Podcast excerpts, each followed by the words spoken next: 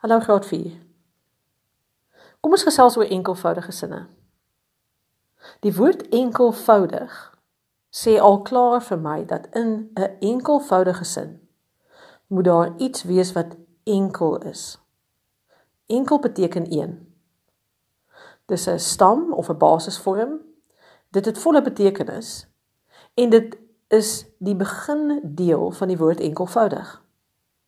So ek wonder wat in 'n enkelvoudige gesin is enkel of een.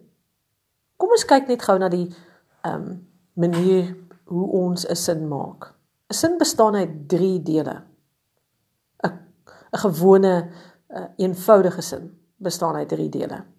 So jy het 'n onderwerp, jy het 'n gesegde en jy het 'n voorwerp. Kom jy verduidelik wat dit beteken? 'n Onderwerp is die wie in jou sin. So dit kan die persoon wees gewoonlik. Kan ook 'n dier wees. Maar kom ons sê dis jy. So as jy sê ek, dan is jy die onderwerp in die sin. Dan het 'n sin ook 'n gesegde. Gesegde is soos 'n 'n werkwoorddeel of 'n werkwoord en dis waar al die aksie gebeur. So kom ons sê jy doen iets. Dan kan jou sin sê ek speel. Ek is die onderwerp en speel is die gesegde of die werkwoord. Kom ons sê jy speel met iets. Dan is daar nog 'n derde deel wat bykom. En dis die voorwerp. Kom ons sê jy speel met 'n bal. En jy sê ek speel met 'n bal. Dan is die bal of 'n bal jou voorwerp. So wat in die sin moet dan een wees sodat die sin 'n enkelvoudige sin is. Die gesegde is net een. Die werkwoord of die werkwoord deel is net een. Al wat jy in die sin doen mos is om te speel. So as jy meer as net speel gedoen het, sê net maar jy het gesê ek speel en ek skop en ek rol op die gras, dan was dit nie meer 'n enkelvoudige sin nie. Maar al wat jy doen is om te speel met die bal omdat jy net een ding doen en daar net een gesegde is of een werkwoord, beteken dit die sin is enkelvoudig. Maklik, né? Maar kom ons kyk na die eerste sin by 7a in jou werkboek op bladsy 68. Die sin is effens langer as net 3 deeltjies. So jy kan dalk te mekaar raak. Juffrou gaan jou gou help. Die sin is: Die maan haar leeu vang die rooi bok lam. So ek tel 5 woordjies in daai sin.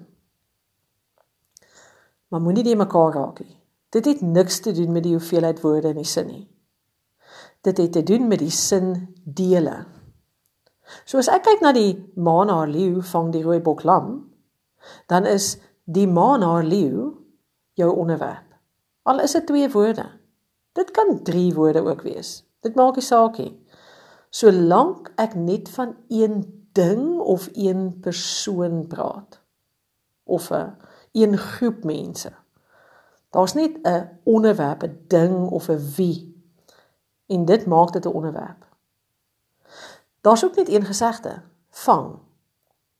Al wat gebeur is die bok word gevang. Daar's geen ander aksie in die sin nie. Kom ons kyk na die laaste twee woorde, die rooi bok lam.